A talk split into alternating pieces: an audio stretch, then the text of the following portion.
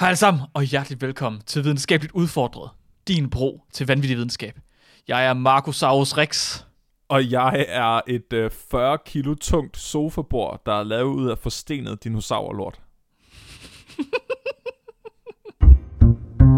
Vi bringer en advarsel. Den følgende podcast handler om vanvittig videnskab. Al forskningen, der præsenteres, er 100% ægte og udført af professionelle. Mark og Flemming står ikke til ansvar for eventuelle misforståelser, men minder jer om, at de altid har ret. Husk at være dumme.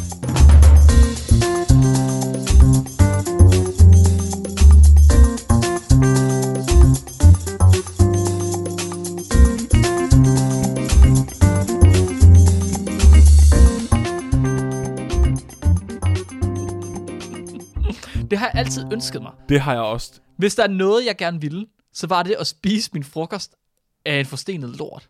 Der er to ting i den her verden, jeg har set, som Ja. jeg har ønsket mig så meget, at jeg har været lige ved bare at altså, stjæle det. Ja. Det er, der er en, øh, en lægevidenskabelig plakat af en dissekeret høne ude på mit arbejde. Og så er der det her sofabord, der er lavet ud af forstenet dinosaurlort. Er det den der plakat, hvor de har markeret krosen på, og så kan du se småstenene? Ja, Ja. Det er en flot plakat. Jeg de har, har lige været i gang med at flytte den afdeling. Jeg var lige ved at gå ned og stjæle den. Åh, jeg havde gjort det. Der er ingen, der Jeg opdager var- det. Ej, men jeg var sådan, jeg vil ikke risikere at miste mit job. Fordi du stjal hønseplakaten. ja, ja, det var, okay, måske var det egentlig en fed historie alligevel. Og ærligt talt, er det ikke, altså med din personlighed, Flemming, så er det din hønseplakat. Det er ikke deres. De tror, det, Det er, er deres, rigtigt, men det ja. er din i virkeligheden. Jeg får et flip, hvis de ikke hænger den op inde på den nye afdeling. Ja, det er de faktisk nødt til. Men så, du, du har ikke fået hønseplakaten. Får Nej. du sofabordet? Øh, jeg tænker 10 er penge nok, så kan vi lave vores eget. Ud af forstenet dinosaurlort. Jeg har været inde og kigge på eBay, og du kan, du kan godt købe dem. De er lidt dyre, men øh, Hvad koster en dino coprolit? altså jeg er lidt, jeg, omkring 1000 kroner. Hvor stor er den så? Ikke særlig imponerende. Sådan 140 gram. du kan købe dem fra Kina, men der synes jeg godt nok bare, det ligner øh, sådan en gipsafstøbning. Nå, jeg skulle til at sige, du ved, Ja. en hundelort, der ligger ude i solen for længe. Men det er også fordi, det her det er sådan nogle virkelig seje, altså det hedder koprolitter, de her forstenet lort. Det er, det sådan nogle seje nogen med sådan insekter og knogler inde i og sådan noget, som er blevet skåret over på midten, så man kan se, hvad der er inde i lorten. Uh. Og dem, altså dem tror jeg nærmest ikke, du kan komme i nærheden af for penge. Øhm, ikke fordi, det er ikke sådan mærkeligt, tror jeg ikke, at man i løbet af de første to minutter af videnskabeligt udfordret har hørt os snakke om forstenet lort og et sofabord i samme ord. Men Flemming, kan du ikke lide, hvorfor? jo, det, det er faktisk Kurts skyld. Så, ja, Kurt, helt ærligt. Hvor kunne ja, du? Kurt fra Næstved har skrevet ind og foreslået, at vi skulle tale om William Buckland. Og jeg jeg vil meget gerne sige tak. Tak for det, Kurt. det, er, var, det er lige ned af vores uh, alley at snakke om William.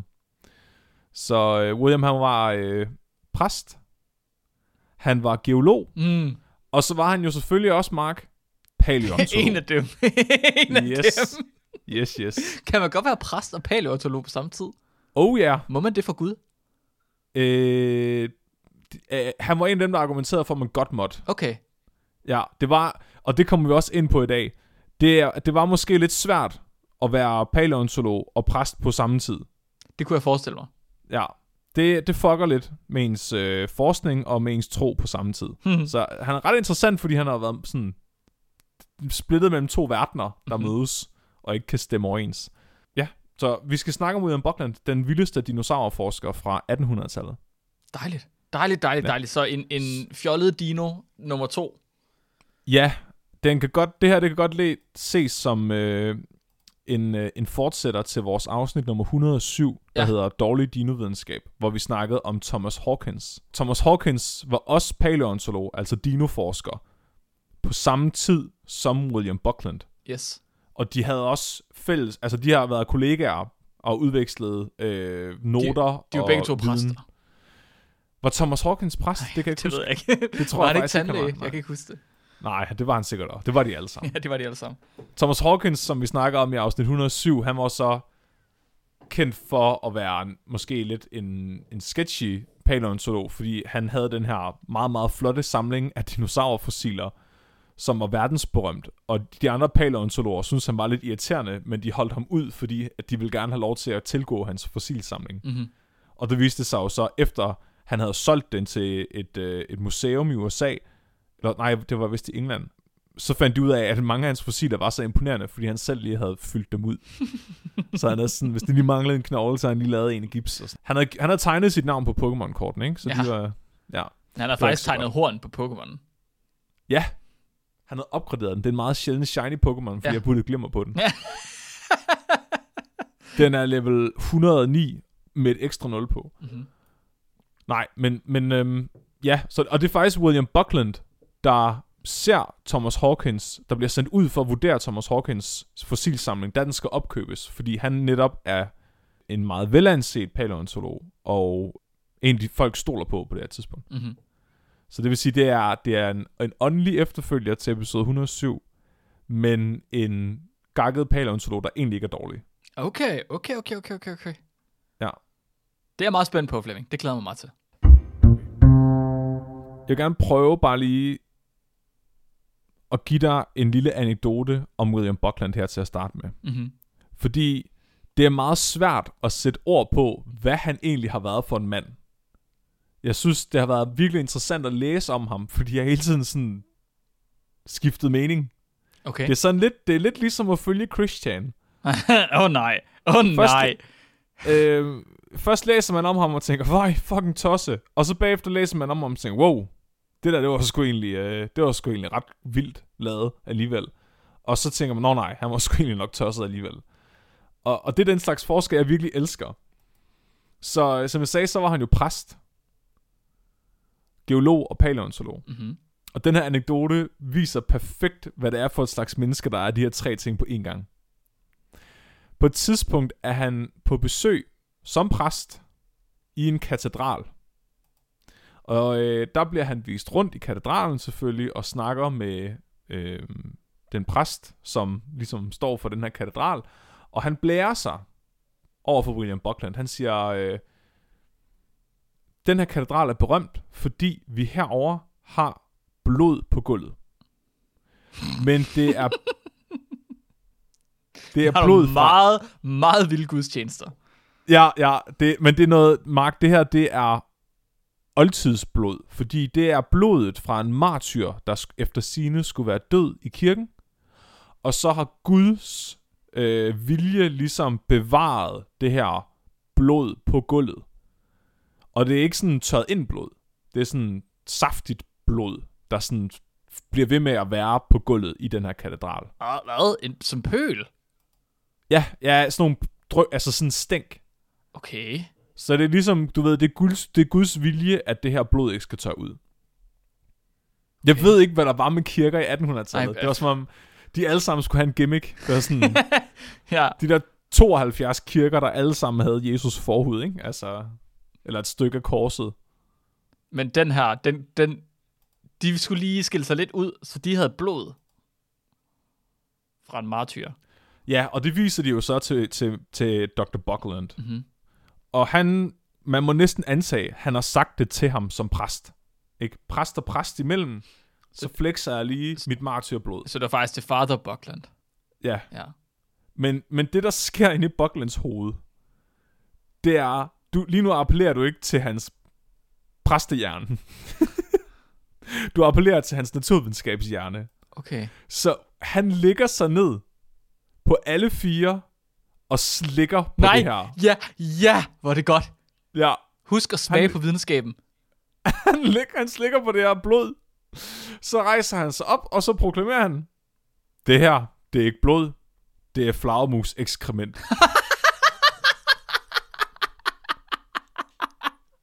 Ja, hvor fedt. Mark, det er William Buckland. Det er fader Dr. Buckland. Ja, han, på en eller anden måde tænker jeg sådan, hvis du er født i 1800-tallet, så kunne det godt have været dig. Mm, mm, Nej, nej. Hvilken del er det? jeg er faderdelen. Ah, men du skal jo tænke på, du, du vil jo være kulturkristen. Kunne man det i 1800-tallet? Blev man ikke brændt det ved jeg så? ikke. Jo. Ej, men jeg tænker bare, alle var jo religiøse på det tidspunkt. Ja, true. Det er rigtigt. Okay, fair nok. Det er godt. Ja, Ja. ja. Ja sure. Jeg vil, jeg vil helt sikkert slikke på noget flagmus øh, ekskrement for ligesom at, at vurdere, Ja, det behøver det ikke være 1800-tallet for. Nej, nej. Det var for, øh, det var for Vi coronavirus. sad faktisk lige i dag til frokost og blev enige om, at man skal huske at smage på sin, sine prøver. Det var meget bedre i 1800-tallet, da man, ligesom, da man vidste, hvad ting smagte af, så man kunne skrive det ned i sin rapport.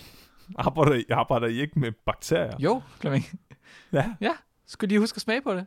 Sådan, Ja. ja. du kan lugte, at det lugter af død. Som sådan, mm, ja, jeg skal lige være sikker, smager det også død? Ja, okay.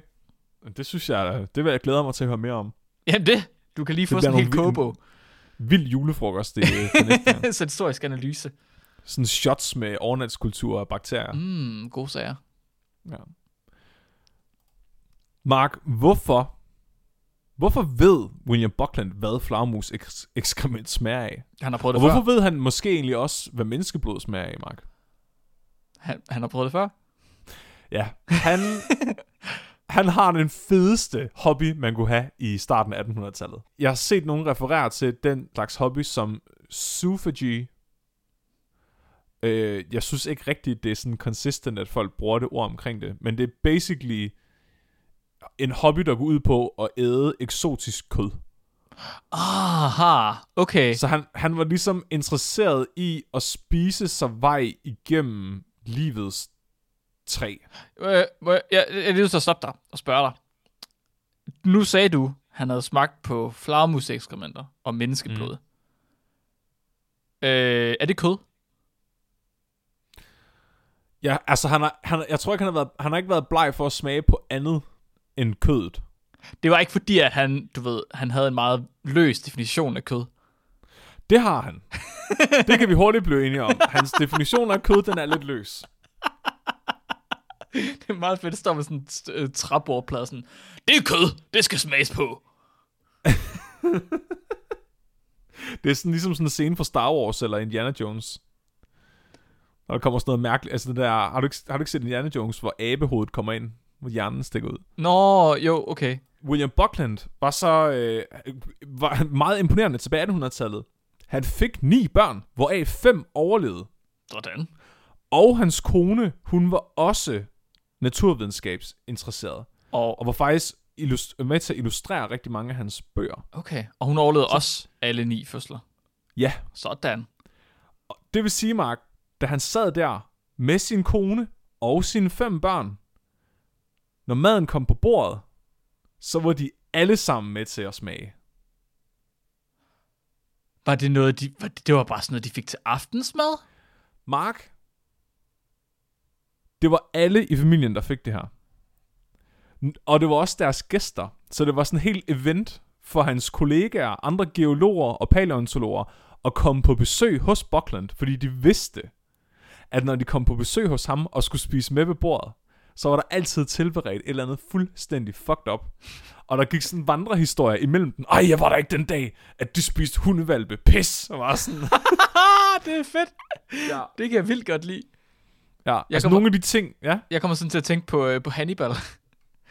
Det er ligesom at blive inviteret hjem og spise hjemme med Hannibal, og så tror man for skinke, men så er det i virkeligheden mennesker.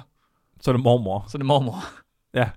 Altså nogle af de ting, vi definitivt ved, der er blevet serveret hos Buckland, baseret på, hvad hans gæster har skrevet breve om, det er, at de har fået serveret pindsvin, mm. snegle, mus, hundevalpe, og det, der efter sine skulle smage værst, var muldvarpe. Aha. Ja. Ja. Nu sagde jeg, at hans børn også spiste med Ja. til de her festmåltider. Hans søn Francis overtog som voksen den her fascination og overgik faktisk sin far med at spise fucked up ting. Og han kunne, få, han kunne få et afsnit i sig selv, fordi han blev også naturvidenskabsmand. Øh, men han som barn begyndte at udvise adfærd, som måske tydede på, at øh, hans far var en 1800-tals videnskabsmand. Fordi han begyndte at blære sig med alle de fucked up ting, han kunne spise. Okay.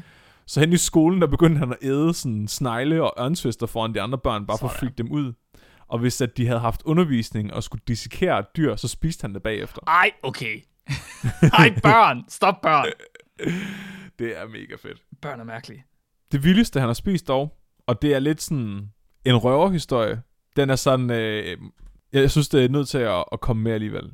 Han har været inviteret til aftensmad hos en af hans kollegaer, der hedder Lord Harcourt. Og øh, på et eller andet tidspunkt i løbet af aftenen, så øh, vil Harcourt gerne vise herr Buckland noget meget særligt. Så han finder et øh, skrin frem, der er ligesom rammet ind med en sølvlås. Og han åbner skrinet for øh, William, og vil ligesom lave sådan noget vis og fortælle, prøv lige, altså, du ved, der er det sådan, det er mit kæreste eje det her, det er helt vildt, du skal se det her. Og så kigger Buckland, han kigger ned i den der æske der. Og der ligger noget, som han synes ligner en lavasten. Sådan en af de her lava skumsten, som er sådan fuld af huller og ikke vejer særlig meget. Det var dem, man puttede i akvarier for han, indtil man fandt ud af, at fiskene de døde af som ind Hvad er Williams første instinkt som geolog, da han ser den her sten? Han smager på den. Selvfølgelig gør han det, Mark. Er det en lort? Fordi... Nej, det er ikke en koprolit. Jeg troede, det var en koprolit. det er ikke en koprolit. Okay. Dem har han smagt på. Ja, selvfølgelig har han det. Hvad nu, hvis jeg siger, gid det var en koprolit? Åh oh, nej, åh oh, nej, åh oh, nej, åh oh, nej, hvad? Åh oh, nej. Åh oh, nej, hvad er det? Flemming. Så det er den her del af historien, at man ikke rigtig kan verificere. Men efter sine så skulle det her skrin være gået i arv i Harcourt-familien. Og det, der lå nede i skrinet, skulle efter sine være det mumificerede hjerte fra kong Louis den 14. af Frankrig. Wow. Da Buckland han tager en bid af det her hjerte, så kommer det bag på ham, hvor blødt det er, fordi han tror, det er en sten. Så han kommer faktisk til at bide et stykke af Ej. og sluge det. Nej. Jo. Okay. Så han har muligvis spist et stykke af kong Louis den 14. hjerte. Det er sku... Så har man vundet.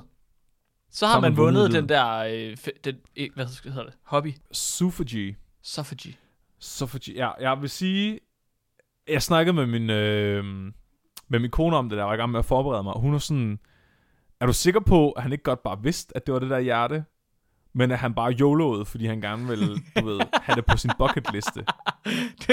man skulle virkelig... Hvis man havde et stykke kød, som man godt... Ja. Som man var glad for, skulle man ikke vise ham det. Fordi altså, så tog han bare bid. Ja. Ja. Det, det er meget sjovt, ikke? Fordi på den ene side var han jo geolog, på den anden side var han, øh, var han eksotisk spiser. Så det er lidt svært at finde ud af, hvor hans interesse lå den dag.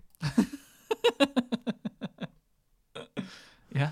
Jeg ved ikke, om du kan huske fra vores øh, dårlige dinovidenskab afsnit. Men øh, der var det her, der ligesom begyndte at ske i starten af 1800-tallet. Hvor det begyndte at gå op for geologer, at øh, det gav sgu ikke rigtig mening, hvis jorden skulle være så gammel, som man troede, den var ifølge Bibelen. Mm-hmm. Det var ligesom om, når man begyndte at grave hul ned i jorden, så fandt man skeletter fra ting, der ikke rigtig levede længere. Og sådan, der var rigtig mange tegn på, at jorden faktisk måske var meget ældre, end vi havde regnet med. Det, det hele det her fænomen, man begynder at snakke om, det er, at vi begynder at forstå deep time. At, at jorden har en øh, virkelig, virkelig urgammel historie, Mhm. mm-hmm. som man ikke havde antaget fandtes. Den har han ligesom været en del af, den her udvikling. Og det er meget sjovt at se, fordi øh, i starten af hans karriere, eller sådan midt i den, så, så finder han et menneskeskelet på en af sine øh, ekskursioner, hvor han er ude og, øh, og lege geolog, og samtidig lede efter fossiler.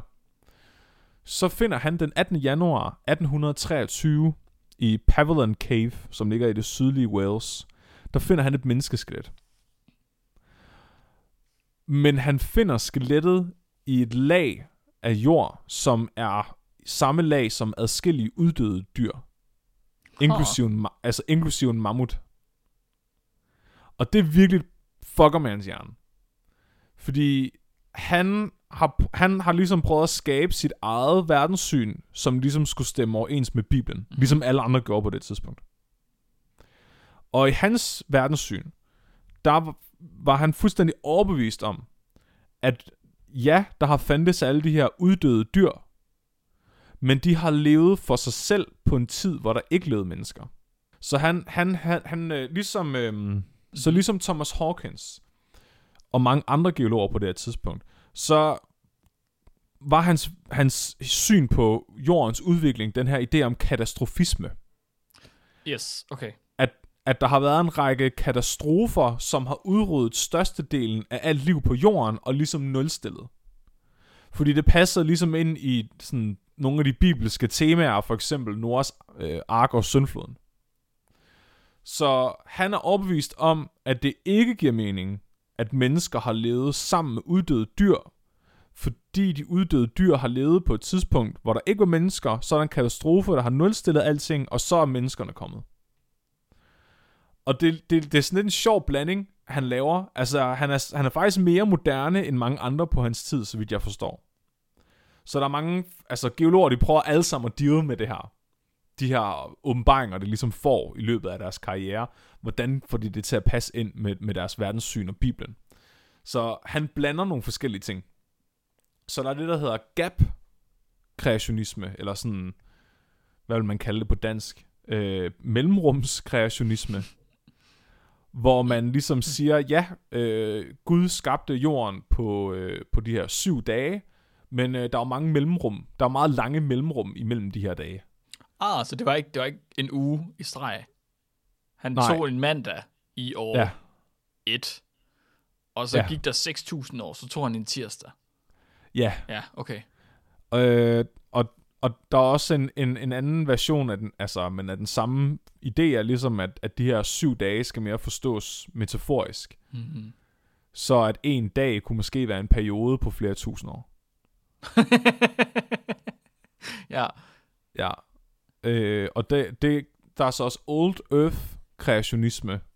Og det er ikke, øh, t- altså de her ting, de er ikke mutually exclusive, så man kunne sagtens blande dem. mm-hmm. Øh, men Old Earth kreationisme øh, forkaster ligesom ideen om, at jorden skulle være omkring, jeg ved ikke, 6.000 år gammel eller sådan noget. Jeg ved ikke, hvad, hvad man, altså, hvordan man læste Bibelen på det tidspunkt. Mm-hmm. Men at man ligesom erkendte, at jorden var røvhammerne gammel, og de her syv dage, de skulle bare forstås løst som en metafor. Og så er der oven i alt det her også katastrofismen, som er ideen om, at alle de her dinosaurknogler, vi finder, de må, altså de er her ikke mere. Der er heller ikke mammutter længere. Det må være, fordi der er nogle katastrofer, der har udryddet dem. Mm-hmm. Og det passer også med Bibelen. Så de, de prøver alle sammen de her logiske krumspring, for ligesom at prøve at få deres opdagelser til at passe ind i deres verdenssyn, som de har fået fra Bibelen. Man kan sige, det, egentlig så giver det jo okay mening. De bruger jo bare den information, de har til at drage nogle konklusioner. Så Ja. det er da egentlig meget fedt, at de så bruger den nye information, de har, og så prøver at koble den sammen med den gamle information, de har. Fordi hvis man så ja. Bibelen som værende den, e- den, den, du ved, sandheden, så, Ja. så kan jeg godt se, at det går ikke, man forkaster den. Det vil være ligesom at lave et paradigmeskifte baseret på, at du ved, du finder en ny ting. Og ikke lave, bare lave et paradigmeskifte, fordi du finder noget nyt.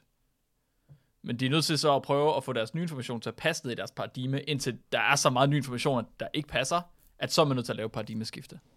Ja, jeg synes egentlig, det, det er da egentlig meget sejt. Det giver meget god mening. Ja, men jeg synes jeg også. Øh, og jeg, altså, på den måde er jeg egentlig meget sådan imponeret over ham. Altså, han, øh, det han ligesom kommer frem til, eller det han tror på på det her tidspunkt i sin karriere, det er, at Gud ligesom har prøvet at skabe livet af flere omgange. Det er en iter- Så- iterativ proces. Hvad? Det er en iterativ proces. Ja, lige præcis. Så at han har øh, skabt livet, og så har han udryddet det, og lavet det ligesom blomstre op igen, og så udryddet det igen. Han har, Øh, han har bare lige ryddet hele spillepladen. Ja, Du ved, så han lavet dinosauren, så ah, det der, det er sgu ikke helt godt. Det, vi, start, vi sletter lige og starter forfra. Ja. Så han er sådan lidt den der idé om, at man skal ikke tage de syv dage bogstaveligt, og at øh, de her syv dage har forløbet over mange tusind år, og at katastrofer ligesom har været et redskab, Gud har brugt til at rydde op i sin kreation. Det er sjovt. Er det det samme som at øh, indrømme i godsøjen, at Gud kan tage fejl? Jeg tror, en af de ting, som kreationister har nu, er, som jeg forstår det, er, er at Gud kan ikke tage fejl. Nå, Altså, han er sådan ufejlbarlig. Han er omnipotent, omniscient og ufejlbarlig. Men det passer, Ja. det passer bare ikke helt ind i... Det er lidt det, som der er mange, der så prikker til dem med, at han kan ikke være alle de ting, fordi hvorfor skulle han så have slettet, du ved, jorden engang, eller slettet, øh, lavet de her katastrofer? I don't know. Nå ja, det har jeg egentlig aldrig tænkt over. Ja, det er meget menneskeliggøre ham på en eller anden måde. ja, det er det ja. nemlig. Øhm, Ham, hende, den, nå ja, undskyld. Flemming. Moderne tider. Hem. Hen. Hem. Gud. Øh, så, så, så det er det, han når frem til. Det er ligesom hans forståelse af fortiden. Så tilbage til det her med, øhm, med skelettet. Ja. Så øh, han havde jo opdaget sammen med flere andre, at grotter var et rigtig godt sted at finde fossiler. Det var rigtig tit, du kunne begynde at, altså ind i en grotte og grave op, og så kunne du finde øh, knogler og skeletter og fossiler fra en masse uddøde dyr, og det var han meget interesseret i, og der var også altså, alle mulige gode steder, du kunne gøre det her i England, som mødte engang til særlig langt væk. Øh, og de var, det er faktisk sjovt, fordi det er rigtigt nok, det er et godt sted at finde fossiler, og det er et godt sted at finde alle de her ting. Men grunden til, at de troede, det var det, det var fordi, de, de troede på, på Søndefloden. Så deres idé var ligesom, at Søndefloden og Nords Ark, ikke? altså Søndefloden var kommet ind, og så havde den jo dræbt alle de dyr, Gud ikke gad have mere. Mammutterne. Så skyllede den ned. og så skyllede dem ind i grotterne. Ja, Der var dræn ind i grotterne. ja. Ja. Så det er ligesom et argument for øh, Søndefloden, at, øh, at det er så godt at finde ting ind i grotter. Vil det sige, at øh, søer, at det er der, hvor at der er en mammut, der sidder fast og lige har lavet prop, at vandet ikke kan løbe ud. Ja, Så hvis du, går, hvis du dykker ned på bunden af en sø, så vil du finde en mammut, der sidder fast nede i afløbet. Er et mammutfossil. Ja. Ja. Smart. Du kan putte, øh, hvis du hælder afløbsrens i en øh, sø, Så, så dræner den. så forsvinder den her. Genialt. Du må du ikke sige til nogen. Nej, det er en hemmelighed. Ja. Så, men, men han, han er også inde i den her, den, han er inde i den her grotte.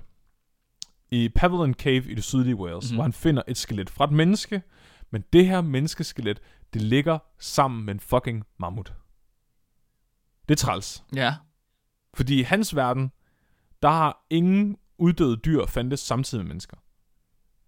Så han konkluderer, Mark, at det her, det er livet fra en prostitueret kvinde fra Romer, altså fra Romeriet, som er blevet begravet, og i det, at de har begravet hende, har de gravet ned i de lag, hvor mammuten ligger. Mm, okay. Okay, okay. Og så, og så døber han hende The Red Lady of Paviland. Hvorfor er han fra, at hun er prostitueret? Hvorfor er det vigtigt? Det, Hvorfor det, skulle- det, hvorfor skulle hun ikke være? Ja, klart. Hvorfor skulle hun være fra Romeriet? Ja, selvfølgelig. Hvorfor, ja, skulle, hun- hvorfor, hvorfor skulle det være en kvinde? også rigtigt. Mark, det her skelet øh, er blevet carbondateret og undersøgt i hoved og røv nu. Ja, Og vi har faktisk fundet ud af, at det er en mand. okay. Og ikke nok med, at det er en mand, så er den her person altså levet samtidig med mammutterne. Fordi det er det, det ældste anatomisk moderne menneske, der er fundet i England. Det er jo ret syret, var, At altså, han har fundet noget, der faktisk er noget af det sejeste, man kan finde. Ja. Men det passer bare så dårligt ind i hans verdenssyn og sådan lidt, ah, nej, nej, nej, nej, nej, nej, nej, nej, det går sgu ikke. Det må være, øh, hvem fanden har man gravet så langt ned? Øh, fuck, en luder, det være en luder. Ja, Det det var en lujer. Det var en lujer. 33.000 år gammel, Mark. Fuck, det er syret. Ja. Hvor, hvor intakt var den? Øh, det er et godt spørgsmål. Skal vi lige prøve Fordi også øh, allerede på det tidspunkt, jeg er i tvivl om, hvor, hvor veludviklet anatomi var, og man kunne identificere, altså kønsbestemme ud fra øh, bækken og sådan nogle ting. Hofteskål. Der er et halvt bækken. Okay. Så hvis man kunne det, så har man da haft bækkenet at kunne kigge på. Ja, jeg, godt, jeg kunne sgu godt forstå, hvis jeg synes, det var lidt svært at kønsbestemme. Okay, det var sådan et puslespil af noget, otte knogler. ah, Ja. lidt mere end otte knogler. ja. Den er ikke helt nem, det kan jeg godt se. Ej, det kan så godt være, at jeg brugte DNA til at finde ud af, at det var en mand. Må ingen paleontolog godt kunne se det der? Men det er jo faktisk meget woke, at han bare siger, at det er en kvinde som udgangspunkt. Ah, det ved jeg ikke helt. Altså, han siger, det er en kvinde, fordi han konstaterer, at det er en luder, fordi at det er en person, der skal være gravet så langt ned, at man har været træt af dem. Og det kan man, det kan man jo bare kun gøre, hvis det er en, så er en prostitueret, I guess. Jamen, det var også romerne, vidste ikke bedre magt. De var ikke lige så woke, som man var i 1800-tallet. Klart, det er derfor. Det er der. Han, han vurderede, at romerne havde kvinder. Det er Ja. ja. ikke, fordi han selv havde kvinder. Nej. Nej, nej, nej. Nej. Klart. Jamen, det er godt. Jeg forstår. Jeg forstår. Nej, men han, han, havde, det- han havde det faktisk ikke. Altså, han, jeg tror faktisk, han har været ret... Altså, han har været godt gift, Mark. Ja. Okay. Fordi han, i, i 1825, der gifter han sig med Mary Morland Ja. of Abington, Oxfordshire. Dejligt. Og det, det, som jeg sagde tidligere, hun er også en naturvidenskabs person. Ja.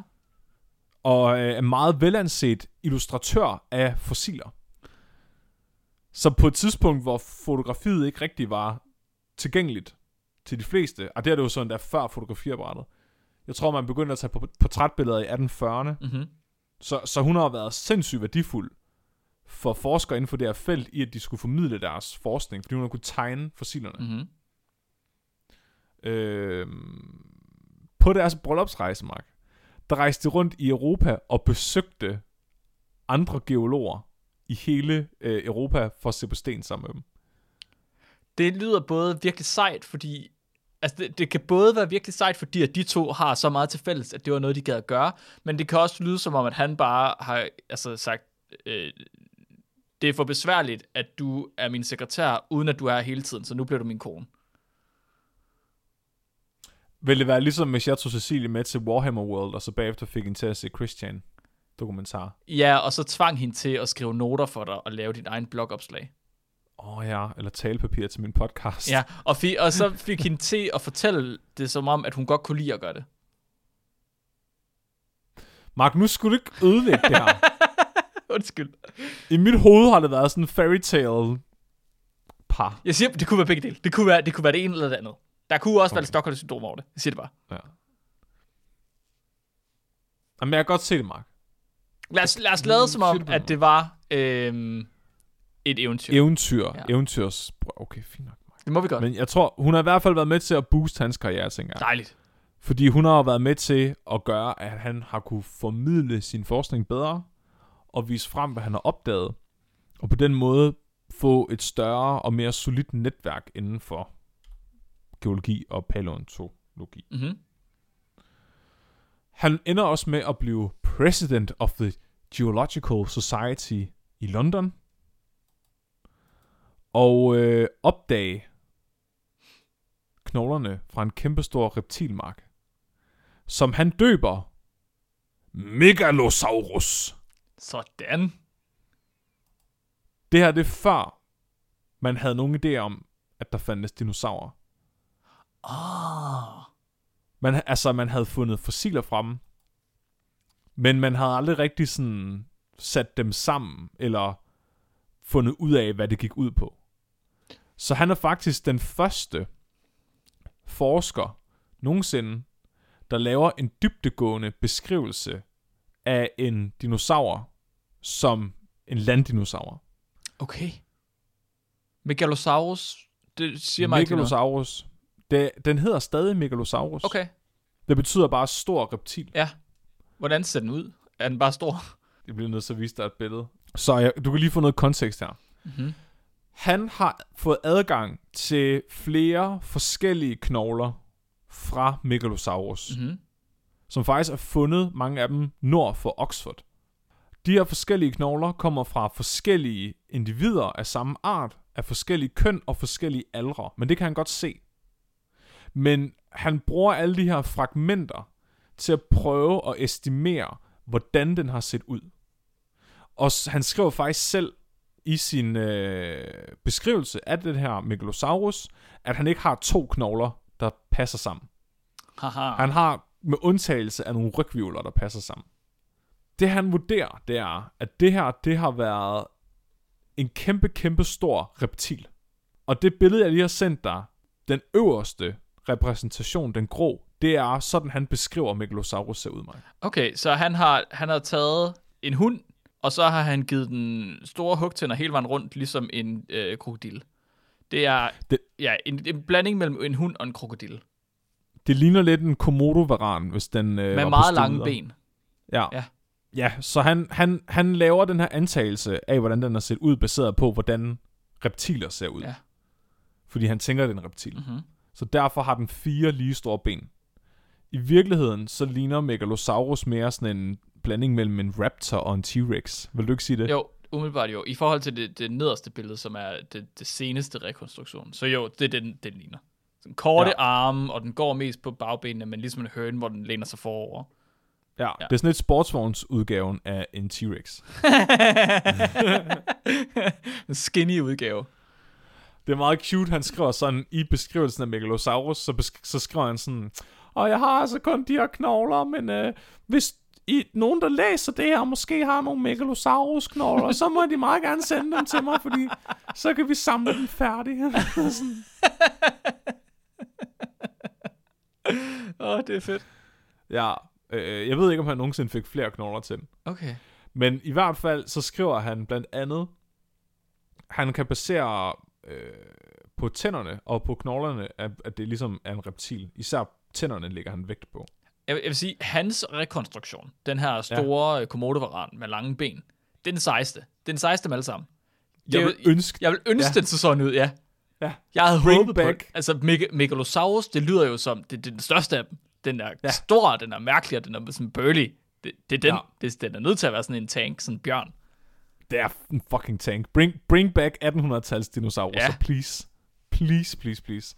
Uh, han estimerede også, fordi han antager, at den har været sådan, har fire store ben, i stedet for de her to ben, og så retardo-arm foran. Så han antaget, at den var 20 meter lang. Uh, de, I dag estimerer man dog, at den kun har været 6 meter lang. Okay. Og har vejet sådan en femtedel af, hvad han sagde, den ville veje. Ja, og jo. Så Overdrivelse Der- for rammeforståelsen. Ja, det må man sige. Altså, men jeg synes stadigvæk igen, Bucklands version er meget mere badass. Jeg vil ønske, at det var den rigtige Megalosaurus. Ja, Helt ærligt. Så det er den første landdinosaurus, der bliver beskrevet og karakteriseret. Øh, ellers har man kun haft flyvende dinosaurer. Altså, øh, det var ikke en pterodactyl. Jeg kan ikke huske det. Men det er faktisk, øh, vi, vi snakker om det i afsnit 107. Nå, okay. Jeg er rimelig overbevist, jeg er rimelig overbevist om, at øhm, Thomas Hawkins faktisk var ham, der, klassi- der øh, beskrev den første flyvende dinosaurus. Mm, okay. Så det er faktisk baseret på øh, to andre dinosaurer, hvor i hvert fald den ene har været en flyvende dinosaurus, at man, øh, at man, la- at man laver hele konceptet dinosaurus. Ja. Så den, den her, det, her, det, her, det her arbejde har været så vigtigt i at forstå, hvad dinosaurer var. Altså fordi det kort tid efter var det, man så fandt på at sige, at din- dinosaurer er en ting. Okay. Det er så her, den her historie den bliver fucked up. Yay. Fordi der var faktisk nogen, der var kommet ham i forkøbet med at finde Megalosaurus. Allerede tilbage i 1600-tallet, der finder man en fucking stor forstenet knogle fra Megalosaurus. Ja. Men Robert Plot, naturvidenskabsmanden, der er i besiddelse af den her knogle, er jo overhovedet ikke lige så progressiv i sin tankegang. Fordi han er virkelig bidt fast i den her idé om, at jorden ikke er særlig gammel, og, øh, og alt liv er, er, som det har været skabt. Ikke? Altså, Så det var en knogle fra Gud. det var en knogle fra enten en øh, elefant, Aha. altså en, øh, en romersk krigselefant, Hvorfor er de alle sammen Eller- romerske? Hvorfor skal de ting være for Rom, når de er gravet ned? Jeg tror, det er fordi, du ved, hvordan er der ellers kommet en elefant derover? Det må være, fordi romerne har haft elefanter på det tidspunkt, okay. de har været i England. Altså, rom, altså romerne havde krigselefanter. Ja, ja. På, et- på, ja, så. Okay, fair nok. Men han skifter mening, Mark. Uh, han skifter mening, fordi han læser om i Bibelen, at der har fandtes kæmper på et tidspunkt. Klart. Mm. Så det her, det er faktisk, øh, det er en øh, knogle fra benet på en bibelsk kæmpe. Er det Goliath? Det tror jeg ikke. Okay, fair nok. Goliath var en dårlig kæmpe. Var han en Mark. dårlig kæmpe? Var Det der er gode en sej kæmper? kæmpe. Nå, en sej kæmpe. Okay, ikke en god Han kæmpe. døde af en sten. Ja, det er Det rigtigt. er en mega, mega dårlig kæmpe. Det er rigtigt. Han skifter mening og siger, det er sgu nok, det er sgu nok en kæmpe. Og det, den, her- den, her, øh, den her knogle er desværre gået tabt i dag. Øh, den eneste grund til, man ved, det er en Megalosaurus-knogle, det er fordi, der blev lavet en tegning af den. Ah. Og den tegning brugte han i sin bog, The Natural History of Oxfordshire fra 1676. Og det er baseret på den tegning, og fordi den er så god og så detaljeret, så kan man se, det her er Megalosaurus-knogle. Okay. Men juridisk set, juridisk set, Mark, så har han ikke tilskrevet den en ny art. Hmm. Så Buckland kommer stadig først. Yes, jura. Ikke? Godt. Juridisk set, så har han ikke sagt det her, det er et nyt dyr. Han har sagt, det er, et- det er enten et menneske eller en elefant. Mm-hmm. Men juridisk set, Mark, så sker der noget i 1763, så næsten ja, 80 år før øh, Buckland, ikke? Richard Brooks, han tager det her billede fra, øh, fra Robert Plots bog, billedet af Megalosaurus-knoglen, og så putter han den ind i sin egen bog. Og så skriver han... Øhm, så skriver han en billedtekst til tegningen, hvor der bare står, Scrotum humanum.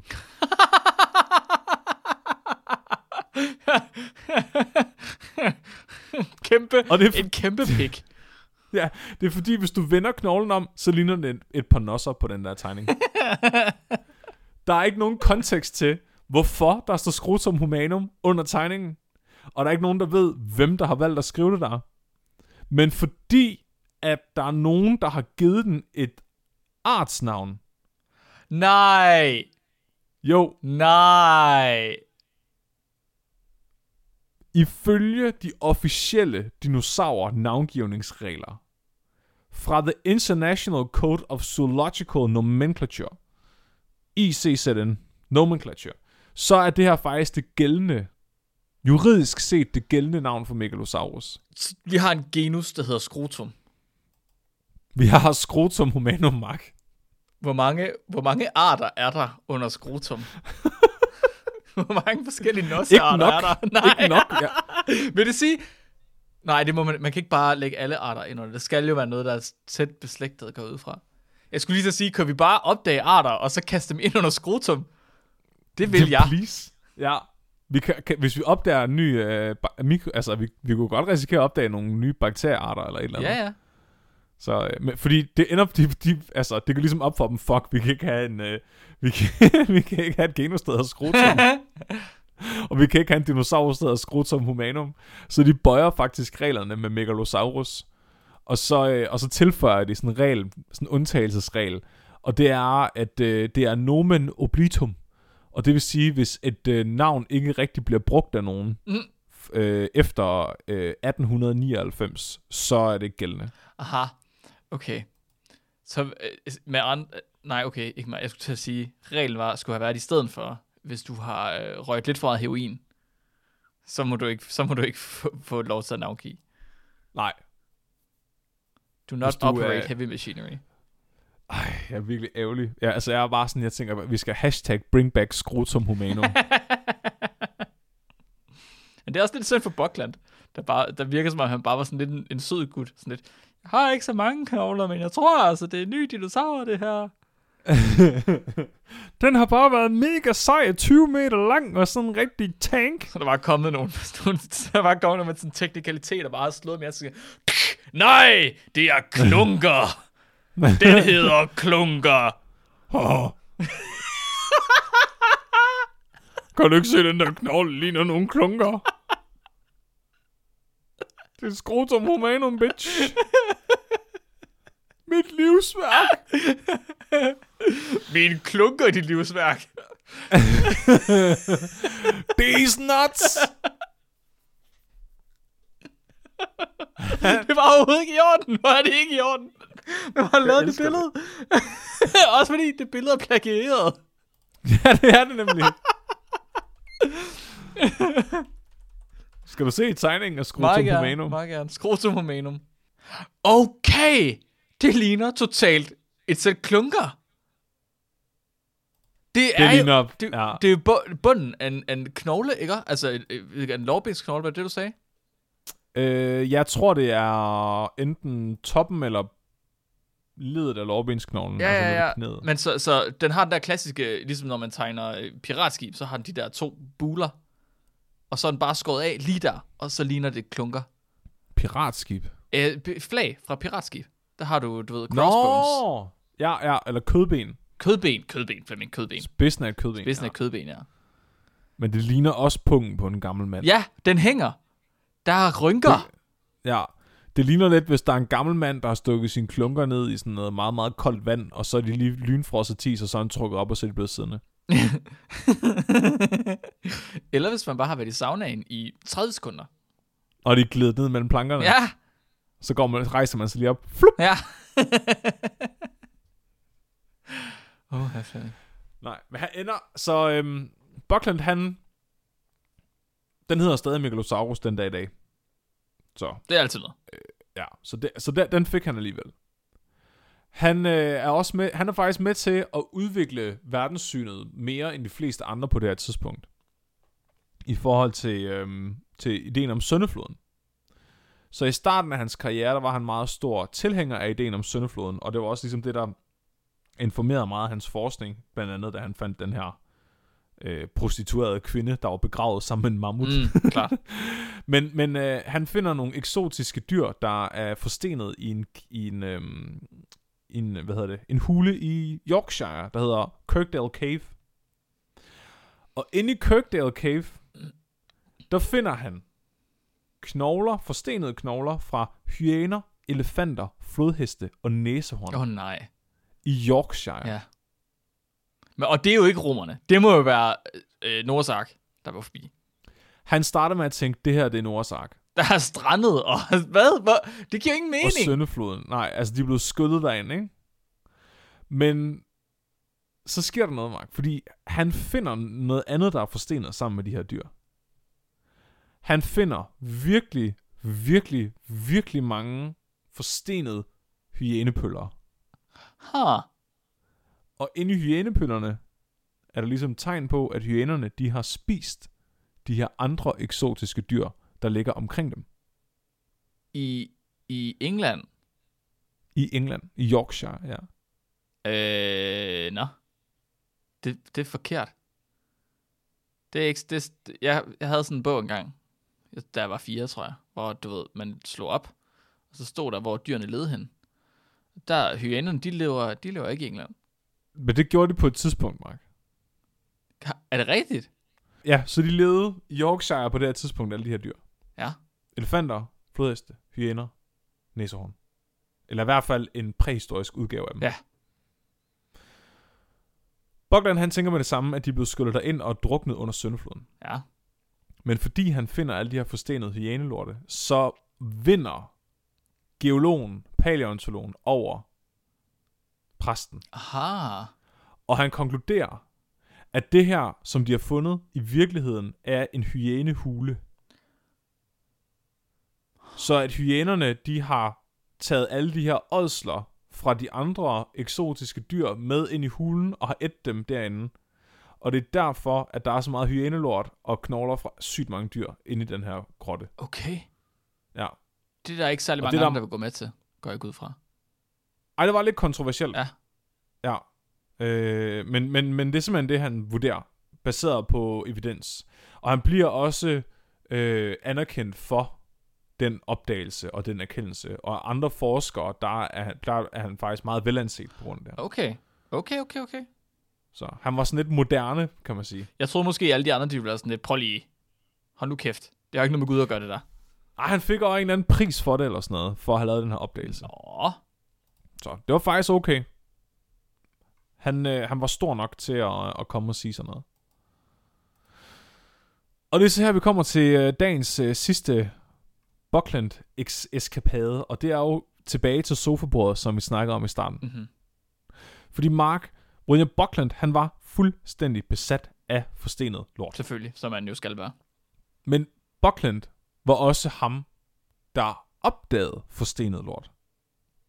Det, er- hvad? Og, fandt, og det er også ham, der har fundet på navnet koprolitter. Aha. Øhm, hvordan opdager man forstenet lort? Man er venner med Mary Anning. Nå. Nå ja, Så- hende. Ja, okay Mark, nu skal du lige passe på, nu, nu er du meget antifeministisk her. Ja. Kan du huske, vi snak, kan du huske, vi snakkede om Thomas, altså da vi snakkede i Thomas Hawkins afsnittet? Der var han gode venner med Mary Anning, Okay. og han er faktisk en af de få paleontologer, der faktisk var sød ved Mary Anning, og sådan anerkendte hendes arbejde. Var hun, var også selv paleontolog dengang? Ja, Ja. det var hende, der var sindssyg til at finde Yes, fossiler. yes, yes, yes, yes, nu kan jeg huske Men hun blev fuldstændig overset og aldrig rigtig anerkendt af de andre Mhm. mm-hmm. forskere, fordi hun var kvinde. Hvor at Thomas Hawkins, som vi snakker om, som var lidt tosset og lidt et udskud, var faktisk meget sådan... Han var faktisk egentlig ok over for hende, men måske også, fordi han var lidt en creep. men, men Buckland har, øh, kommunikerer faktisk også med hende og, s- og samarbejder med hende. Og hun viser ham så nogle for, det, hun kalder forstenede grænkogler. Det er nogle fossiler, hun bliver ved med at finde, og hun synes, de ser sgu mærkelige ud. Det ligner forstenede grænkogler, og hun kalder dem bezoar, bezoar stones. Og hun kan godt se, at der tit er sådan knogler og mærkelige ting inde i dem. Og, og det er så også sammen, at de to finder ud af, at det her, det er forstenet lort. Hvordan i alverden finder man ud af det? Hvordan går man fra at kigge på den med knogler indeni, og så konkludere, at det må være en grænkogl, til rent faktisk at få den åbenbaring, at det er en lort? De, øh, jeg, jeg mener faktisk, at de finder en forstenet lort inde i maven på en forstenet dinosaurus. Det er sejt. tidspunkt. Det er vildt sejt. Ja. Ja. Det er virkelig sejt, det kan jeg godt lide. Men jeg tror, måden de kom frem til det på, det var vildt ved at kigge på dem og sige, hold op, det ligner godt nok lort, det der. og så har de skåret dem op og selv sådan, nå ja, de er også fulde af lort. De er fulde af lort. Kan jeg vide, om det ikke er lort? Imponerende nok. Jeg tror sgu, det er lort, det der. Buckland, han bliver fuldstændig besat af forstenet lort, altså koprolitter, resten af sin karriere. Og han får lavet et sofabord ud af koprolitter. Og det er det mest badass, jeg nogensinde har set. I dag står det på et museum, Ja. og øh, bliver passet godt på, og Ja. man kommer ind og beundre det. Bordet vejer 40 kilo, og det kræver to mænd at flytte det. Ja. Det er så tungt, fordi der er så mange forstenede lorte i bordpladen, at det er ved at kollapse under sin egen vægt. Ja. Og i år 2010 var man nødt til at renovere det for 15.000 kroner, for at det ikke skulle klaske sammen på grund af... Ja.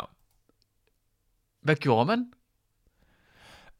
Øhm, man reparerede det med epoxy fra undersiden af, så vidt jeg husker. Okay. Der havde været et forsøg på at reparere det med gips for mange, mange år siden, og det var så allerede, det var begyndt at klaske sammen også. Så var det fordi, det har revner og huller og sådan noget, og så kunne man hælde epoxy i, og så fik du ligesom en fast flade, eller hvad? Når man først lige ser det, så tænker man, åh ja, fordi det ligner, det ligner faktisk et moderne epoxybord. altså når man tager alt muligt lort, og så støber man det ind i gennemsigtig epoxy. Ja. Men det man skal huske på, det, det her det er fra 1800-tallet. Så det her, det er en... Åh, oh, det er noget helt andet, end jeg troede. Må jeg beskrive? Ja, Okay, okay, okay. Det ligner mere noget, man hænger op på en væg. Det er en ramme af træ, og så indeni, der har man så igen en ramme, og så har man en center firkant, hvor man så har alle de her meget cirkulære øh, koprolitter, som er gået ud fra af sten, at man har skåret over på midten. Ja. Ja, sådan at du ligesom har, du ved, alle de her cirkler ved siden af hinanden, der så, altså når man har skåret dem over, så har du revner ind i, som selvfølgelig er, er lortens struktur, men det ligner lidt røvhuller. Ja. Det ligner Ma- 40 numsehuller ved siden af hinanden. mange af det her er faktisk uh, biller. Ah, Altså dung beetles, der er blevet fanget inde i lort. det er sjovt. Ja. Det er vildt sejt. Ja, så det, er, så det der er det imponerende, det er, at de her forstenede lorte, der er blevet skåret på midten, de ligger ligesom nede i sådan en blød stenart, så man ikke er helt sikker på, hvad det er for en slags. Okay. Men det vil sige, at der er simpelthen skåret huller ud til dem, som de passer ned i. Øhm, Åh, oh, det er syret. Ja, så, og det er derfor, at det har været ved at kollapse under sin anden vægt, fordi det er, det er simpelthen så tungt. Jeg ved, jeg, jeg ved ikke, jeg tænkte sådan et øh, Flintstones klippebord nærmest bare ud af lort. Ja, ja, men det er faktisk ret, det ser virkelig elegant Det, ud. ser, det gør det. Jeg, Ja, kunne, godt, jeg kunne godt drikke min kaffe over det bord der. Ham, øh, Fra- hans søn Francis, ham der spiste alle mulige fucked up ting i skolen, mm-hmm. ikke? Mhm. Han skriver i sin øh, i en bog på et tidspunkt om sin far, så skriver han, bordet blev beundret af mange mennesker, som ikke havde nogen anelse om, hvad de så på. og han skriver også, at, at Buckland, hans far der, fik lavet smykker til Mary øh, ud af koprolitter. Fortalte han det til hende? Ja, det tror jeg, jeg tror, hun synes, det var ret Nå, sejt okay. også. Nice. Altså hun havde koprolit øreringen, og, øh, og ifølge Francis også flere andre stykker smykker, der var lavet af koprolitter. Hans datter Mary, som skrev en biografi om sin far, efter han stod, nævner på intet tidspunkt øh, det her sofabord. Hun kunne ikke lide det. Nej, hun er garanteret blevet, hun er blevet narret til at slikke på det. det har også været måske sådan lidt... Altså, han er, han er, Buckland er åbenbart blevet mobbet meget sådan, af sine kollegaer for hans sådan, koprolit-fascination. Men det var nogle mærkelige kollegaer. Er det de samme, Jeg der, tror- der var virkelig religiøse? Det tror jeg, det var. Jeg, jeg forestiller mig, at det har været et venskabeligt drilleri. Nå, okay. Som man nu... Altså, jeg tænker, hvis man samler på forstenet lort, så er man nødt til at blive drillet lidt. True. Det har du sådan set ret i. Men jeg tænker, hvis vi øh, nu får nogle 10 penge, Mark, så, øh, så, kan, så kan du godt lave sådan en bord der til mig. Sagtens. Det skal ikke være noget problem. Må jeg godt lave det ud af epoxy? Jeg er ikke sikker på, at jeg kan finde ud af den der bløde stenart. Ja, ja, bare at, øh, bare at der er forstenet lort i. Men det er ikke noget problem. Det gør vi. Men hvis vi laver det i epoxy, kunne vi så egentlig ikke bare putte frisk lort i? Du siger noget. Hvad, st- hvad sker der, hvis du indkapsler en, en frisk lort i epoxy? Men du kan, kan du ikke preservere ret mange ting i epoxy i virkeligheden? Jo, insekter og sådan noget. Ja, er det ikke, altså epoxy, Men hvis du kan, men, men resin som i harpix, Ja. ja. kan du også støbe ting ja i. ja. Altså ligesom rav. Skal vi lave et ravbord med lort i?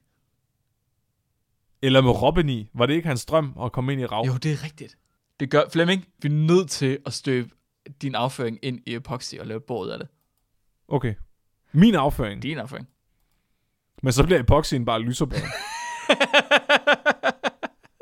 Jeg tænker, at vi skulle gøre det med Nikolaj i stedet for. Ja, det er Han skal rigtigt. kun skide en gang, så er der et sofabord og en sofa.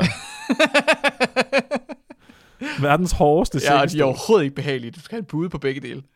Ja, ja. Jeg ved ikke, hvor vi finder et kar, der er stort nok. Det behøver du ikke. Du lægger ham bare, som han skal føde. Ja. Så øh, det var, hvad jeg havde om øh, William Buckland. Det var sgu da en, en sindssyg karakter, Flemming. Ja, mange tak til Kurt fra Næstved. Ja, tusind tak, Kurt. Vi, øh, vi er altid glade for at blive tippet om en person, der laver sofabord ud af lort. Det er meget godt tilfreds med. Nu er der en, nu var der lige bitten foreslået lige på Discord, om din lort skulle dehydreres. Jeg forestiller mig, Flemming, hvis nu man tog din lort og lagde den ud som en tynd film, og så dehydrerede den, så ville du faktisk have en plade. Nå ja. Så kunne man knuse den til sådan noget krymmel. Det behøver man overhovedet ikke. Det er en rigtig dårlig idé. Sådan nogle, ligesom du ved, der er guldflager i noget vodka. Sådan noget krystaller. Ja, jeg, jeg sad og tænkte på øhm, Breaking Bad. Ja. Så du lige kunne brække det, altså du ved, Ja. ja, pulverisere Men det altså- og snifte det. Men hvorfor vil, altså hvis du kan forme det alligevel, hvorfor så ikke, hvorfor så ikke lave sådan nogle, øh, sådan nogle cookie, altså du kan lave sådan nogle øh, cookie cutter ting. Altså ligesom øh, med, med Uh, ja. brunkager. Ja, bogstaveligt brudkager. Ja. Det kan jeg godt lide. Alligevel, Det er en god idé, Flemming. Jeg har kun gode idéer her. Hold nu kæft, mand. Vi er bare, vi er en kilde til, altså, til Nobelpriser. Hvis man nu tog noget hurtigt tørrende resin, Ja. epoxy-resin, og så timede det med, at man havde virkelig, virkelig eksplosiv diarré. Mhm. Tror du ikke, man så kunne lave, altså ligesom nogle af de der øh, dioramaer, man ser, hvor det er som om, der er en, eks- altså en eksplosion, der er blevet fanget i tid? At man så, du ved, kunne skide ned i, i, i epoxyen, men den så hærder, imens eksplosionen sker. Så du sådan får et, et, et, et sådan time stop af, af, af en, en, en diarré-eksplosion. Det, jeg, mm, jeg tror godt, du kan, men jeg er ikke sikker på, at det skal være epoxy. Ja, det ved jeg ikke. Og det, for, fordi det, spørgsmålet er, om det er tykflydende nok til, at du kan gøre det. Så skal man... Det tror jeg, hvis du lige inden det hærder, så når der bliver lidt tykkere. Okay. Det kunne se ret imponerende ud. Så man putte lys i den. Det ligner næsten en lille atombombe. Sprængning. Det skal vi have. Det er vi nødt til. Åh, oh, Flemming, tusind, tusind tak. Er du klar til øh, et lytterspørgsmål? Ja, ja. Fanden, er noget om lort. jeg tager lige noget uden lort. Så det er okay. Nå. Vi har haft om lort. Vi får ikke nok spørgsmål om lort. Jeg tror, der er rigeligt spørgsmål om lort. Og ikke nok spørgsmål om høns. Nej, det ved jeg, du synes. Frederik Kofod, han har skrevet ind og spurgt, er der en korrekt måde at fylde sin opvaskemaskine på? Og hvorfor går mænd typisk mere op i det end kvinder? Der tror jeg lige, jeg vil lige starte med at øh, sige, jeg er ikke sikker på, at jeg er enig i, at mænd typisk går op, mere op i det end kvinder. Men jeg tror, der er nogle stereotyper, som, som øh, man, man lægger på kvinder, og på mænd i virkeligheden. Så hvor, altså, de kønsstereotyper kan sagtens vendes om. De er ikke så kønsspecifikke, som man tror, de er. Og som Instagram får dem til at se ud. Altså, Mark, Ja. Det er jo, det er jo, jeg tror, at stereotypen er, at mænd, de, de, de er mere sådan, du ved, retter. Siger, nej, nej, du skal stille den sådan Men der. samtidig så er mænd også de kaotiske i forholdet i stereotypen. Altså, den eneste rigtige måde at fylde en opvaskemaskine på, Ja. det er at stille skålene og glasene sådan, så de bliver fyldt med vand. Altså vende dem, altså, vende dem med bunden nedad. Ja. Ja. Sådan, så når du tømmer opvaskeren, så er der sæbevand i dem. Ja, det er en god idé. Fordi så er de både blevet vasket og stået blød. Ja. Hvis du vender dem om, så kommer der ikke vand ind i dem. Nej, det er klart. Og det er jo ulækkert. Ja, det er ulækkert. Så det er sådan, du gør dem rene. Ja. Det kan, jeg kan godt se det, Flemming. Ja. Jeg kan, godt jeg kan godt se det. Du har meget ret. Det er vi nødt til. øh, jeg foreslår, at man øh, tager kurvene ud af sin opvaskemaskine, og så kaster man bare tingene ind. Så der er bare et rum, og så... Ja, så stiller den på højkant. Stil, nej, nej, nej. Hvad stiller på højkant? Hvad snakker du om? Ja. Hvorfor du Så, så, så, så, så kan du få mere ned i, hvis at, du ved, du bare åbner den som sådan en skraldespand. Nå, på den måde på højkant. Jeg forstår mere. Ja, du, vender, ja. du lægger den ned på ryggen. Ja. Ja. det er en god idé, Flemming. Det kan jeg godt lide. Det er bedre. Det var nok det var den mest effektive måde at bruge den på. Men, og så er der heller ikke, så spilder du ikke al pladsen med de der kurve. Men et af problem, altså problemet er jo, at vandet, nej, vandet bliver selvfølgelig sprøjtet op, fordi de har jo armene, sidder nede i bunden og sprøjter opad. ja. Ja. Men så vil den så sidde, så den hænger vandret og sprøjter vandret. Men det vil måske stadig Yes. fungere i virkeligheden. Ja, ja, så sprøjter de jo længere. Ja, det gør så de skal faktisk. Ikke arbejde Det er faktisk- så meget mod tynde Det er faktisk en rigtig god idé, det her, Flemming. Ja, så sparer du på strøm ja. Ja. også. Jeg sparer faktisk på strøm. Ja, Det og så kan du tage slangen med afløbsvand og koble den til der, hvor vandet bliver koblet ind igen. Og så kan du genbruge vandet. Så den Og bare det går i cirkel. Økonomisk. Ja. Ja. Det er jo grønt. Faktisk, så kunne man kunne gøre noget andet. Man kunne også bare have en stor murbælge til at stå udenfor. Og så kaster man Ja. ja. bare, så har man bare sæbevand i den. Og så kaster man altid en opvask derud. Og når man så skal bruge, når man ikke har flere tallerkener, så går man ud og henter en tallerken ude i sæbevandsbaljen. Mm-hmm. Og Mhm. går ind og tørrer den af. Og så kaster man den ud igen, når man er færdig. Det er meget mere hygiejnisk, end det, jeg havde forestillet mig. er du sikker på det? Jeg sagde ikke, Du man, kunne jeg jo sagde også ikke, man bare lade fluerne tage det. Man skal ikke skifte vandet nogensinde. Kunne du ikke, kunne du ikke skaffe fra lab sådan noget, et, altså øh, laboratoriesprit? Altså det der 97% uden opkastmiddel i? Jo, hvad skal du bruge det til? Kunne man så ikke bare have en balje med det i stedet for? Jo, men det gør ingenting. Det gør, det gør intet. Altså, det kan kun stilles, sterilisere, og det kan det ikke engang, når det er 97%. Du skal bruge øhm, noget, noget sæbe.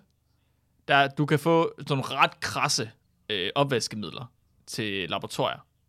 Ja. Det hedder SIP, Clean in Place. Ja. Nå, Det er basic, altså det er base og en masse ekstra ting. Lidt sæbe og noget. det skal man ikke få øjnene. Ej, det er en rigtig dårlig der for i øjnene. Øh, ja. Det kan opløse selv det værste, du kan komme i tanke om. Det kan man bruge. Uh. Det er en god idé. det vil jeg gerne have noget af. Ja. Måske er det løsningen, bare opløse al sin opvask fuldstændig. Så du aldrig skal, altså, det er jo ultimativt rent, mm. hvis det slet Mm. ikke eksisterer. Ja. Sådan at Du... Måske skulle man bare lade være med at bruge bestik i virkeligheden. Ja. Hvad hvis vi altid Er bare spiser af papirlomseklæder? Eller med, bare med hænderne. Bare med hænderne? Ja. Det er fandme... Eller andet- det, det er smart, Flemming. Hvorfor er der ikke nogen, der tænkt på det før? Det ved jeg ikke. Det er som om, at det, Det er det, er jo kun en halv befolkning i verden, der spiser med hænderne. Det er kun Ja, halvdelen den af anden halvdel spiser med fødderne. Ja, Det tror jeg, det er løsningen. så vi skal alle sammen... Den rigtige måde at Mm. bruge en opvasker på, det er bare at lade være med at have opvask. Hvad, hvad, hvor vasker man sine hænder? Hvad mener du med det? Skal de ikke også i opvaskeren? Hvorfor vil du vaske dine hænder, Mark? Hvis du bruger dine hænder, så er dine hænder bestik. Du skal vaske bestikket op, efter du har brugt det. Tager dem bare i bukserne. Nå, kan man gøre det med gafler også? Nej, fordi du skal ikke have noget bestik, Mark. Nå, hvad hvis jeg vil? Jeg vil have en gaffel. Okay, hvorfor, kan du så bare altid have den samme gaffel, der er din gaffel? Jo, det kan jeg godt. Fordi hvis der så er enighed om, det er din gaffel, så er det dine bakterier, der er på den, og så gør det ikke noget, den aldrig nogensinde bliver vasket. Jeg har skiftet mening, Flemming. Må det godt være en ske i stedet for?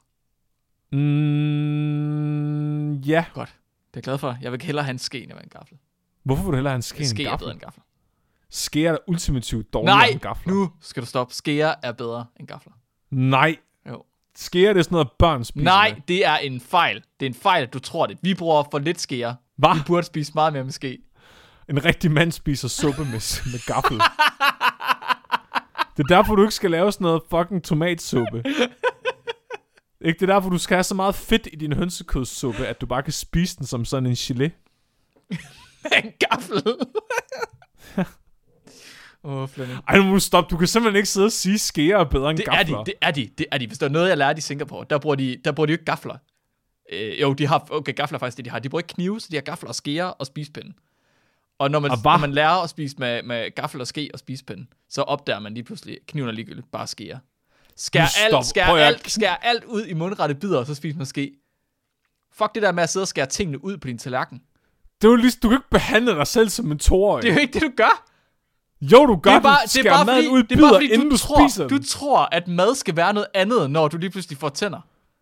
Hvorfor hvor, det skulle da, hvis du allerede har Du sagde lige, du ville spise med hænderne. Det sgu da det samme, Flemming. Nej. Du tager fejl. Mark, hvis du allerede har lavet din mad om til bidder, Ja. hvorfor skal du så have en fucking gaffel i den ene hånd, og en ske i den anden Jeg hånd? ved heller ikke, hvorfor man skulle have gaflen. Jeg vil bare have skeen. Det var det, jeg lige sagde. Så du vil skære alt, okay, du vil skære alt din mad ud i bidder, Fuck ja. og så sidde og spise den med en ske. Ja. Jeg vil, jeg, Som jeg, sådan- Flemming, nu siger du, jeg ville gøre det. Det er ikke noget, jeg ville gøre. Det er noget, jeg gør. Det, det er sådan, jeg spiser, Flemming. Du er, prøv at høre. Du, jeg kan leve med, at du spiser din havregryn med en ske på den måde. Men det andet, det er fucking seriemorderagtigt. Nej, du er mærkelig. Det er så... Prøv lige at høre. Det er fucking seriemorderagtigt at tage sit måltid og skære det ud til bidder og sætte sig ned med en ske i hånden og spise det. Nej, men du skærer det ud, inden du tilbereder det. Ja, Hvad, kaster du hele løg ned, når du laver mad? det er selvfølgelig meget. Ja, jeg kaster bare lortet ned i gryden, og så skærer det ud, når jeg så har det på min tallerken. Det er et ekstra step. Det er det eneste, det er. Det er bare lige, at du lige skærer broccolien lidt ud, inden du kommer ned i gryden. Det er godt, Flemming. Det er godt. Det er en god ting. Prøv at, du skal, du, ikke, du skal ikke sidde der og være sådan der. Du skal prøve det. Du kan ikke, du kan ikke øh, dømme mig, før du har prøvet det. Og jeg lover dig, lige præcis dig, du vil fucking elske at spise med ske. Du, ved du hvad, gafler og knive er noget, der er blevet lagt på os af vores forældre. De, tro, de har en forventning om, at man sidder og spiser pænt, og man skal spise på en bestemt måde. Kast ud af vinduet, Flemming. Vær dig selv. Vær fri. Spis med ske. jeg vil ikke. Prøv lige at forestille dig at spise en kajsildmad med ske. Det er fucking Det kan du sgu forkert. spise med hænderne, mand. Ej, du spiser sgu da ikke en kajsildmad med hænderne. Og spiser du ikke rugbrødsmad med hænderne? Jo, men sgu da ikke kajsild. Hvorfor ikke? Du kan ikke spise kajs for kaj ud af det hele. Slik dine fingre af bagefter. Du kan ikke spise seriøst. Du, hvis man spiser en sillemad med hænderne, så er man syg i hovedet. Jeg, har, jeg havde aldrig troet, at du havde så meget øh, pli Har du om nogen- at sidde ved du bordet. Hvad? Hvad er det for noget? Nej, jeg har ikke, nej, nej, det har jeg Hvorfor ikke. det så- Jeg, spiser, jeg, jeg spiser som et vildt dyr, men jeg vil aldrig nogensinde gøre det med en ske. Hvorfor ikke? Hvorfor er det vigtigt? det er så fordi skeer er til toårige og gamle mennesker.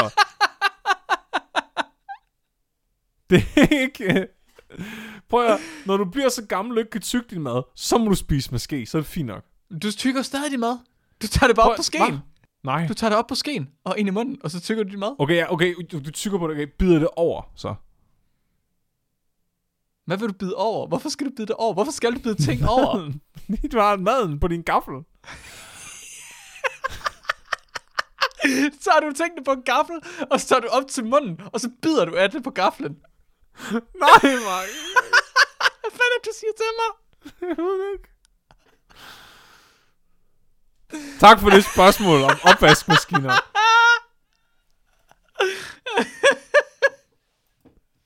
Skriv ind, hvis I synes, Mark er Det er forkert. fedt. Jeg kan godt lide det her. ja, tak for spørgsmålet. Øhm, det blev langt. Nej, nu kan ikke. Flemming, Flemming, Flemming, Flemming, Flemming, Flemming, Flemming, Flemming. Ja. Vi, er nødt til, vi er nødt til lige ned på jorden igen. Ja, undskyld. Øh, Okay, vi kan mødes på midten med en spork. Hvis I også er enige i, at man bør spise alting en ske, så gå ind på vores webshop og køb en ske. Jeg er helt sikker på, at vi sørger for, at der er en ske derinde. Det kan ikke være anderledes. Der er nødt til at være en ske derinde. Flemming, hvad, hvad skal folk gøre? De må gerne sende nogle lytterspørgsmål ind om lort og høns. Uh. Og så, øh, så kunne jeg godt tænke mig, at øh, folk spreder ordet om videnskabeligt udfordret. Ja. Fordi det er bare her i starten af året, at vi kan se, at vi vokser allermest. Og det er simpelthen fordi, folk har nytårsforsæt. Og begynder at gå i fitness og lytter til podcast imens. Så I må rigtig gerne lige sørge for, hvis jeres venner ikke er råd af deres nytårsforsæt endnu, og lige anbefale dem videnskabeligt udfordret som podcast. Altså, det er ved at være lidt sent, Flemming. Det er februar.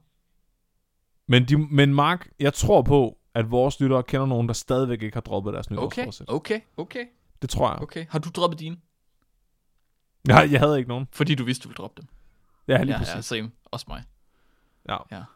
Jeg synes, det synes jeg er en god idé. Prik lige til jeres venner og få dem til at gå ned i fitness igen. Og lytte til videnskabeligt udfordret ned i fitness. Hvis I gerne vil have en podcast om lort, høns og numsebakterier. Ja, det er os. Det er, det er faktisk os. Skal vi have en dyrefakt? Ja. Er vi klar på det? Ja. Dejligt. Dagens dyrefakt er sendt ind af Spicy Toaster.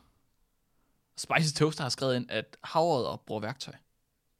Mest sten, men det tæller stadig. Det er sejt. Og, og sav Det synes jeg er okay. Det må de godt. og, og mejsler.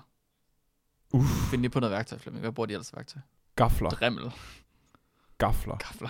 Det bruger de Kniv. gafler. Jeg tror, de bruger kniv og gaffel til at spise deres østers. Det bruger ikke skære i hvert Du er fald. simpelthen, du er forfærdelig. Du er forfærdelig, du er forfærdelig, Flemming. Man kan kun leve efter dit hoved.